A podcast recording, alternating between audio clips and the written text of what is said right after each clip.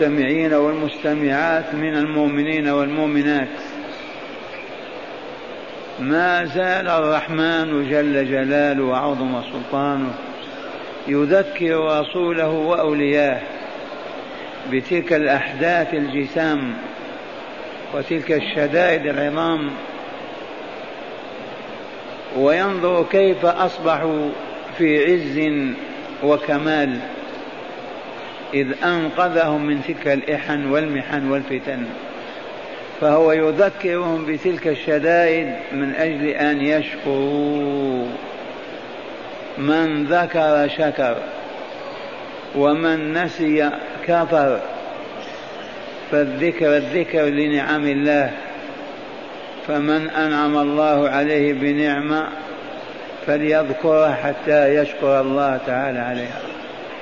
واعلموا أن رأس الشكر كلمة الحمد لله الحمد لله. إذا قلتها في أية نعمة من النعم فقولك الحمد لله أعظم وأفضل. قال تعالى وإذ قالوا أي واذكر يا رسولنا واذكروا أيها المؤمنون إذ قال الطغاة الجبابرة المتكبرون وعلى رأسهم النضر بن الحارث وقد عرفناه أمس. وأبو جهل الطاغية المعروف إذ قالوا سائلين الله عز وجل اللهم أي يا الله اللهم معناها يا الله. وهذا نداء لله عز وجل ودعاء. وحذفت الياء وعوض عنها الميم بدل يا الله اللهم. لأن الياء ينادى بها البعيد. يا فلان أما القريب ما يحتاج إلى حرف النداء. عبد الله أنت تسمع ما قال يا عبد الله فاللهم هذه خاصة بالرب تبارك وتعالى.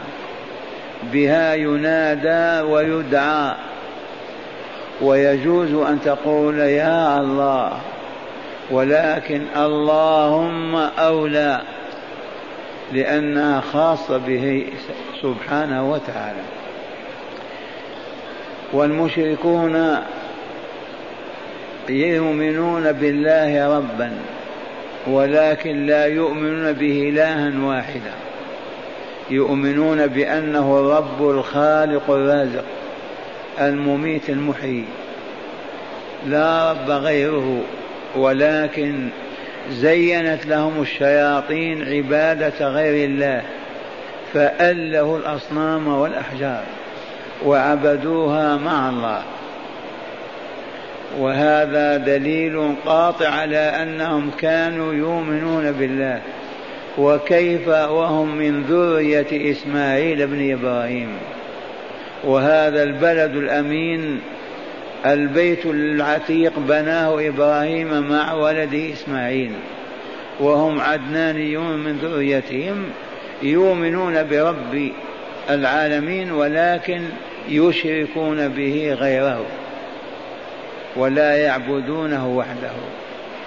وقبل مبعث النبي صلى الله عليه وسلم انتهت العبادات السليمة الصحيحة بتطاول الاعوام وامتداد القرون وموت العلماء فهم جهل لا يعرفون كيف يعبدون الله.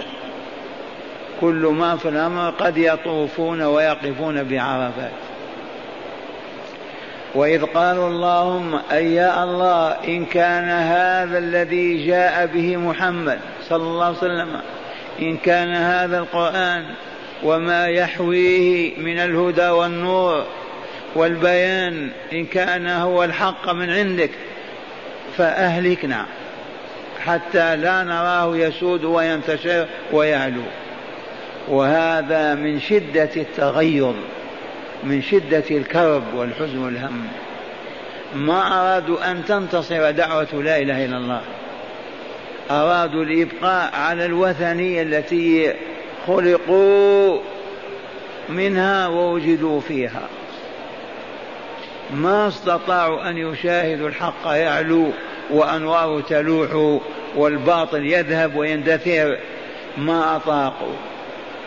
فقالوا اللهم إن كان هذا أي القرآن الذي جاء به محمد ونزل عليه وما يحويه من الشرائع والبيانات والأحكام والهدى إذا كان هو الحق من عندك فأمطر علينا حجارة من السماء لنهلك ونستريح. أي تغيظ أكثر من هذا؟ رضوا بالموت ولا ينتصر الحق. وما زال هذا النوع في بني آدم وبن الجن إلى يوم القيامة. من لا يريد أن يرى دين الله منتصرا. يرضى أن يمزق يحرق وما ينتصر دين الله عز وجل. لأن الشياطين هي التي تنفخ هذه الروح الخبيثة. مهمة الشياطين تكفير بني آدم وإضلالهم وإبعادهم عن الحق. ليكونوا معهم في دار البوار في جهنم. إن كان هذا هو الحق من عندك فأمطر علينا حجارة من السماء أو ائتنا بعذاب أليم. عذاب موجع يفسد حياتنا علينا ولا نرى هذه الدعوة تنتصر وهذا النور يعلو. وهذه قولة أفراد ليست قولة العرب والمشركين عامة. هذا على رأس من قالها النضر بن الحارث وأبو جهل. ثم قال تعالى وما كان الله ليعذبهم وأنت فيهم. ليس من شأن الله تعالى أن يعذب هؤلاء المشركين الكافرين العتاة المعاندين وأنت بينهم. لأنك رحمة الله. حيثما وجدت وجدت الرحمة معك. أما لو أنك لست بينهم أو تخرج منهم لنزل بهم العذاب. هذه اللطيفة أيما إقليم بلد فيه صلحاء ربانيون أتقياء ببركتهم يقيهم الله العذاب. مرة ثانية. البيت كالقرية كالمدينة كالإقليم إذا وجد فيه الصالحون يرحمهم الله عز وجل بهم. وإذا فقدوا أي فقد الصالحون حل العذاب بالمعاندين والظالمين والكافرين والمشركين. فرسول الله صلى الله عليه وسلم رحمة. أخبر تعالى أنه رحمة للعالمين. إذ قال عز وجل وما أرسلناك إلا رحمة للعالمين. فما دام في مكة لم ينزل الله بهم هذا العذاب الذي طالبوا به ولا هذا الدمار والهلاك الذي سألوه إذ قالوا أمطر علينا حجارة من السماء أو ائتنا بعذاب أليم. قال تعالى وما كان الله ليعذبهم وأنت فيهم. وسبق أن علمنا أن المعذبين من الأمم قبل أن ينزل العذاب يخرج الرسول ومن معه من المؤمنون. فقد خرج مع هود العدد الذي خرج وأنزل الله بهم العذاب ودمر عادا بكاملها. ثمود كذلك. لوط خرج هو وابنتيه وهذه سنة الله. إذا أراد الله أن يهلك الأمة بالهلاك العام يخرج الله المؤمنين وينجيهم. وما كان الله ليعذبهم وأنت فيهم. وما كان الله معذبهم وهم يستغفرون. هنا أمانان. أمان هو وجود الرسول صلى الله عليه وسلم بينهم. وأمان ثاني هو استغفارهم. إذ كانوا يقول اللهم اغفر لنا اللهم اغفر لنا. سبحانك اللهم فاغفر لنا. وهذه ما نفوتها وهي أن الاستغفار والله أمان. من لازمه بقلب صادق ولسان طيب طاهر فرج الله عنه كل كربة تنزل به أو محنة تصيبه أمان ثابت. وما كان الله ليعذبهم وهم يستغفرون. فالذين يطلبون المغفرة بصدق من الله بكلمة أستغفر الله أستغفر الله نستغفر الله غفرانك ربنا اللهم اغفر لنا هذا الاستغفار أمان لأهله. على شرط أن يكون كثيرا وملازما للعبد ليل نهار وأن يكون بقلب خاشع ومعترف بالخطيئة والذنب وهو يطلب, المغفرة من الله عز وجل. يفرج به الله الغموم والهموم. والكروب والأحزان. أما الرسول صلى الله عليه وسلم وهو أمان فقد رفعه الله إليه وتوفاه. لكن الاستغفار هذا الأمان باقي إلى يوم القيامة. ومرة أخيرة الأمان أمانان.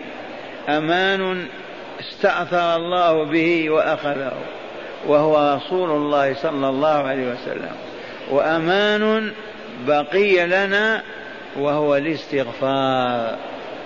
فلنستعذ بالله من الشياطين التي تحرمنا هذا الاستغفار حتى نصاب بالهم والكرب والحزن والألم.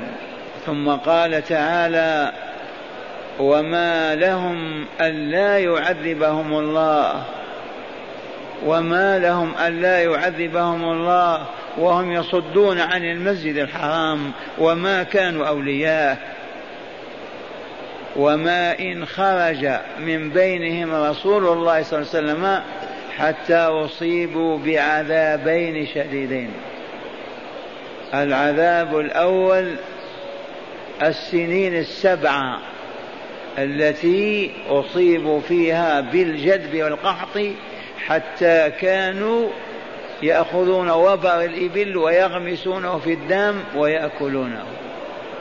وجاء أبو سفيان هنا يطلب من رسول الله الشفاعة له. ودعا الرسول واستجاب الله له.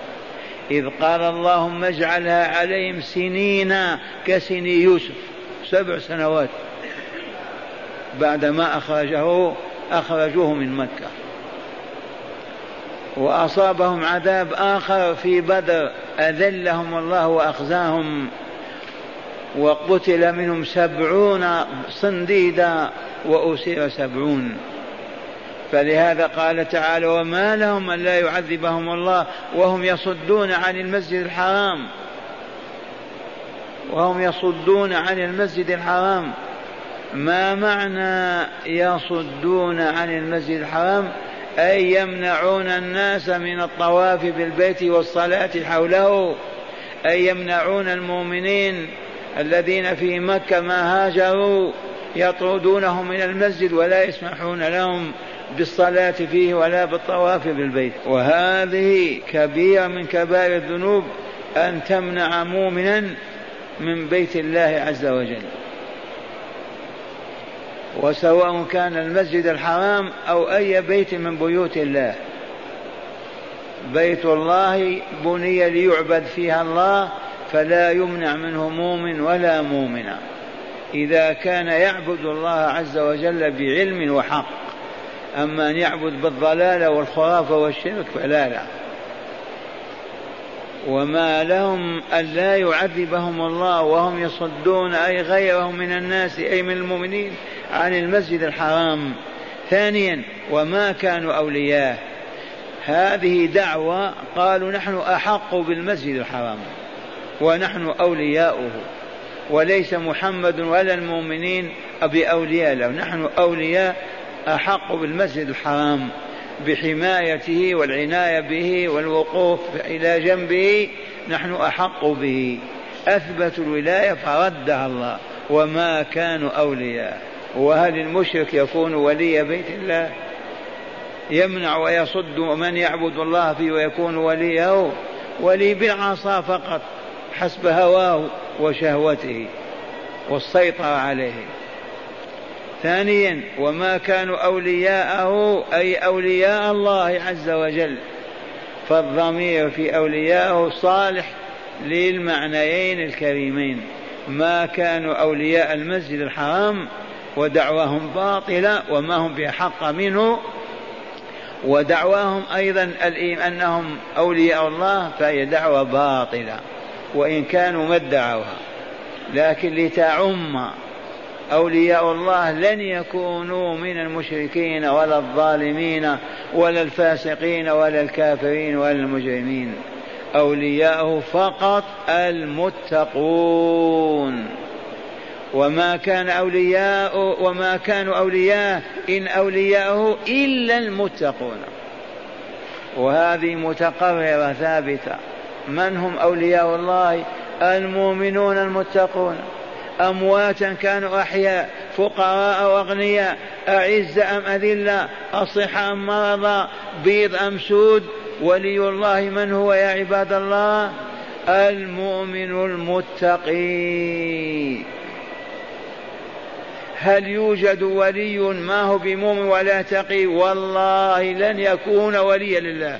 وإنما يكون وليا للشيطان. أولياء الشياطين الكافرون والمسلمون والفاسقون. والآية الدلالة, الدلالة القطعية على أن أولياء الله من المؤمنين والمؤمنات هم المتقون. هي قوله تعالى ألا إن أولياء الله ألا هذه يا مستمعي الكرام بمعنى ألو ألو ألفناها وعرفناها حتى الأطفال الصغار. الطفل يحبو ويقول ألو ألو أليس كذلك؟ ولما نقول ألا ما لها طعم ولا ذوق لأننا ما عرفناها. ألا انتبهوا أصغوا واستمعوا. ما يقص عليكم ويتلى. ألا إن أولياء الله لا خوف عليهم ولا هم يحزنون. يا بشرى يا لها من بشرى أبشروا يا أولياء الله. لا خوف عليكم في الدنيا ولا حزن ولا في القبر ولا يوم القيامة. هذه بشرى تزف إلى كل ولي من أولياء الله. ذكرا كان أو أنثى. ألا إن أولياء الله أخبرني عنهم ما لهم. لا خوف عليهم ولا هم يحزنون. من هم يا رب أولياؤك؟ نحن ما عرفنا من الأولياء إلا الموت بس. كسيدي عبد القادر وأحمد التجاني والبدوي وفلان والرفاعي أما أولياء غير هؤلاء ما عرفنا. أو عرفتم تدخل لأية مدينة من مدن العالم الإسلامي وتقابل أول من تقابل من أهل البلاد وتقول يا عم أو يا أخي أنا جئت من بلاد بعيدة لأزور ولي من أولياء الله عندكم. أحلف لكم ما يأخذ بيدك ويقودك إلا إلى ضريح. ولا يفهم أن في تلك المدينة ولي حي. لعلي واهم من يرد جرب. باستثناء الذين بلغتهم هذه الدعوة وعرفوها وإلا قرون لا يعرف المؤمنون وليا أبدا حيا إلا إذا مات وبني على قبره قبة ووضع تابوت ووضعت الأزر ووقدت حوله الشموع. وذكر واستغفر وأنواع الشرك كامل حوله. هذا يدعوه هذا يستعيذ به وهذا يستغيث وهذا يذبح له. من فعل بنا هذا؟ العدو. ما زال يفعل. ما زال ينشر الخبث بشتى أنواعه وألوانه. والآن من هم أولياء الله؟ اسمع الله تعالى يجيبك فيقول الذين آمنوا وكانوا يتقون. الذين آمنوا وكانوا يتقون. لهم البشرى. في الحياة الدنيا وفي الآخرة. لا تبديل لكلمات الله. ذلك هو الفوز العظيم. أبعد هذا يلتبس علينا الأمر وما نعرف من هم أولياء الله. كل مؤمن ومؤمنة تقي فهو لله ولي. الذين آمنوا وكانوا يتقون. لهم البشرى في الحياة الدنيا وهي رؤيا منامية صالحة يراها أو ترى له بهذا أخبر أبو القاسم صلى الله عليه وسلم. لن تموت يا ولي الله حتى ترى مقامك في الجنة. فنفى تعالى عن المشركين أن يكونوا أولياء. إذ قال إن أولياء إلا المتقون وهم فجر كفر مشركون فكيف يدعون أنهم أولياء الله أو أولياء مسجد الله وبيت الحرام هل هناك من يرغب من المستمعين الزوار أن يكون وليا لله أو ما هناك حاجة في هذا الباب؟ أترككم. هل يوجد بين المستمعين والمستمعات من يرغب في ولاية الله بأن يكون ولي الله ما فيكم أحد؟ كلنا. إن لم نكن وليا لله فأنا عدو لله. ومن عاد الله كيف يكمل أو يسعد؟ ما منا إلا وهمه وغاية من حياته أن يكون وليا لله. بما نحقق هذه الولاية بالإيمان. آمين. إيمانا صادقا جازما بكل ما أخبر الله به ورسوله. صدق تصديقا كاملا تاما. واتق الله بفعل ما يحب أن تفعله وترك ما يحب أن تكرهه أن تتركه. أي بفعل ما أمر الله وترك ما نهى الله. تصبح ولي الله. لكن هل درجتكم واحدة؟ الجواب لا. أصحاب الجنة أصحاب رسول الله درجات أفضلهم على الإطلاق أبو بكر الصديق. ثم الخلفاء الأربعة ثم العشرة المبشرون بالجنة ثم أهل بدر ثم أهل بيعة رضوان يتفاوتون. فأنتم والحمد لله والله لكلكم أولياء. فيما أعلم إلا إذا كان بينكم منافق كافر جالي مهمة وكذا الله أعلم يعني. لأننا أمة. كلكم أولياء الله وتتفاوتون بحسب تقواكم لله. والمثل عندنا الجيش الجيش السعودي جيش واحد. هل هو في مرتبة واحدة؟ كم المراتب؟ إلى جنرال. من أول ثاني ثالث رابع مستواهم هو واحد. فكذلك الأولياء أنتم ليس مستواكم واحد. واحد لواء واحد عقيد واحد عريف واحد كذا. بحسب التقوى بحسب تقوى الله عز وجل. فأكثرنا تقوى أطيبنا نفسا وأزكانا روحا. والله يقرب إليه من كان أزكى الناس نفسا وأطيبهم روحا. إذن له طيب لا يقبل إلا طيبا. إذا أنتم أولياء الله اعلموا. والله لا يصح من أحد أن يؤذي فردا منكم. ولو بكلمة شزر بكلمة قاسية ولو بنظرة شزرة لا يحل أن تؤذوا لا في أبدانكم ولا أموالكم ولا أعراضكم. لأنكم أولياء الله.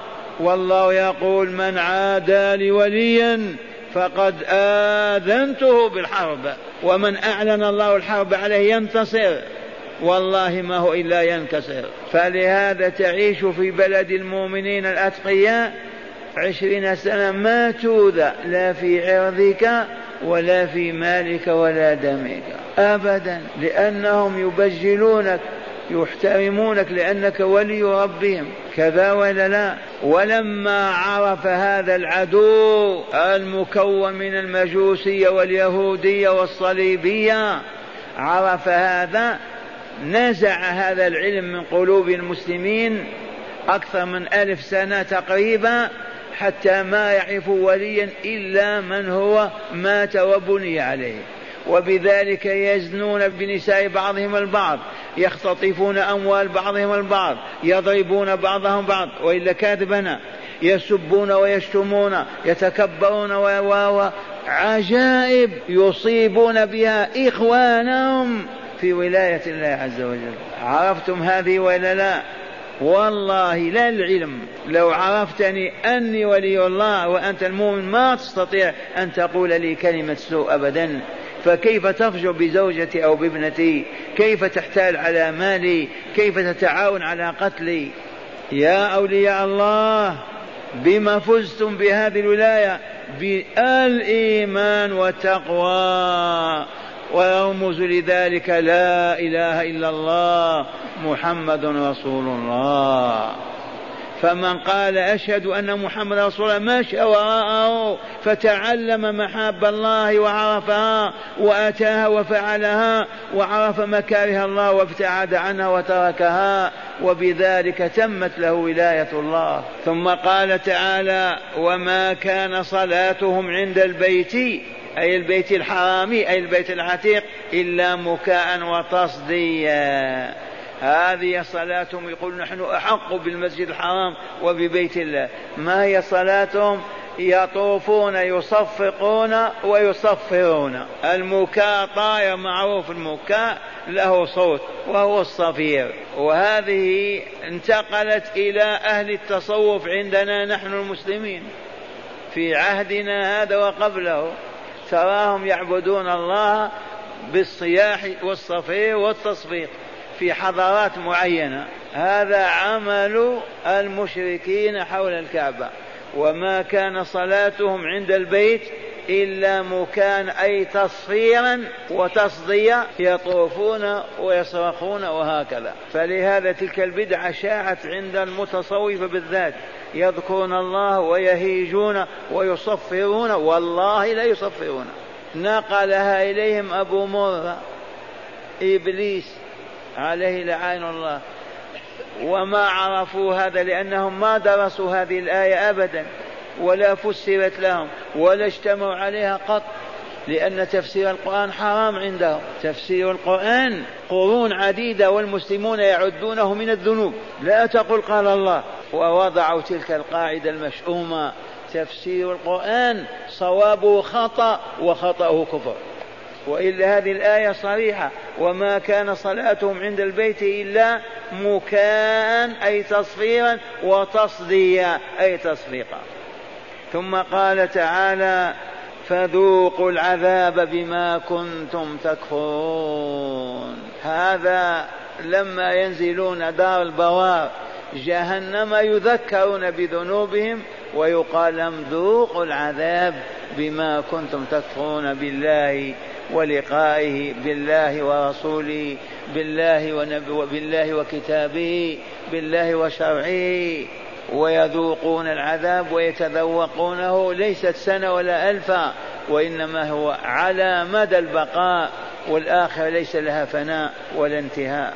معاشر المستمعين أسمعكم هداية هذه الآيات الأربع.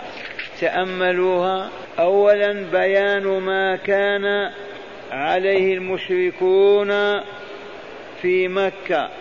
من بغض الحق وكراهيتهم له حتى سألوا العذاب العام ولا يرون ولا ولا يرون راية الحق تظهر ودين الله ينتصر. من أين أخذنا هذا؟ من قولهم ربنا إن كان هذا هو الحق من عندك فأمطر علينا حجارة من السماء أو ائتنا بعذاب أليم. مرة أولى إذن بيان ما كان عليه المشركون في مكة من بغض الحق وكراهيتهم له حتى سألوا العذاب العام ولا يرون راية الحق تظهر بين ودين الله ينتصر. ثانيا النبي صلى الله عليه وسلم أمان أمته من العذاب. النبي صلى الله عليه وسلم أمان أمته من العذاب. بل وامان من العذاب العام. انتبهتم؟ أيام كان الرسول صلى الله عليه وسلم بل إلى الآن ما يجي عذاب استيصال وإبادة كما كان يصيب الأمم قبل نبينا صلى الله عليه وسلم مؤمنهم وكافرهم. النبي صلى الله عليه وسلم أمان أمته من عذاب فلم تصب هذه الأمة بعذاب الاستئصال والإبادة الشاملة. والأمة الإسلامية قسمان أمة دعوة وأمة إجابة. والكل يشمل يشمل لفظ الأمة. أمة الدعوة الذين ندعوهم ليدخلوا في الإسلام وأمة استجابة الذين استجابوا ودخلوا. الآن البشرية قسمان قسم وهما أمة محمد كلها. إذ بعث إليهم أجمعين. قسم منهم استجاب وهم المسلمون وقسم رفض الدخول في الإسلام وهم أهل الدعوة. ندعوهم ليل نهار علهم يسلمون. ثالثا فضيلة الاستغفار وأنه ينجي من عذاب الدنيا والآخرة. وقد عرفنا وتكرر هذا. رابعا بيان بيان عظم جرم من يصد عن المسجد الحرام للعبادة الشرعية فيه. ظلم ما فوقه ظلم. أن يمنع شخص أن يطوف بالبيت أو يصلي في المسجد الحرام. خامسا بيان أولياء الله والذين يحق لهم أن يلوا المسجد الحرام وهم المتقون. من هم أحق بولاية المسجد الحرام؟ بريطانيا. كفار ولهذا حرمهم الله منه ولا تولى يهودي ولا نصراني على بيت الله. مع أننا غلبنا وانهزمنا أمامهم ولكن الله حمى الحرمين. إذ لا يتولى الحرمين إلا المؤمنون الأتقياء فقط. وما كانوا أولياء إن أولياء إلا المتقون. قال بيان أولياء الله تعالى والذين يحق لهم أن يلوا المسجد الحرام وهم المتقون. سادسا كراهية الصفير والتصفيق وبطلان الرقص في التعبد وبطلان الرقص في التعبد والتصفيق كذلك هو التصفير.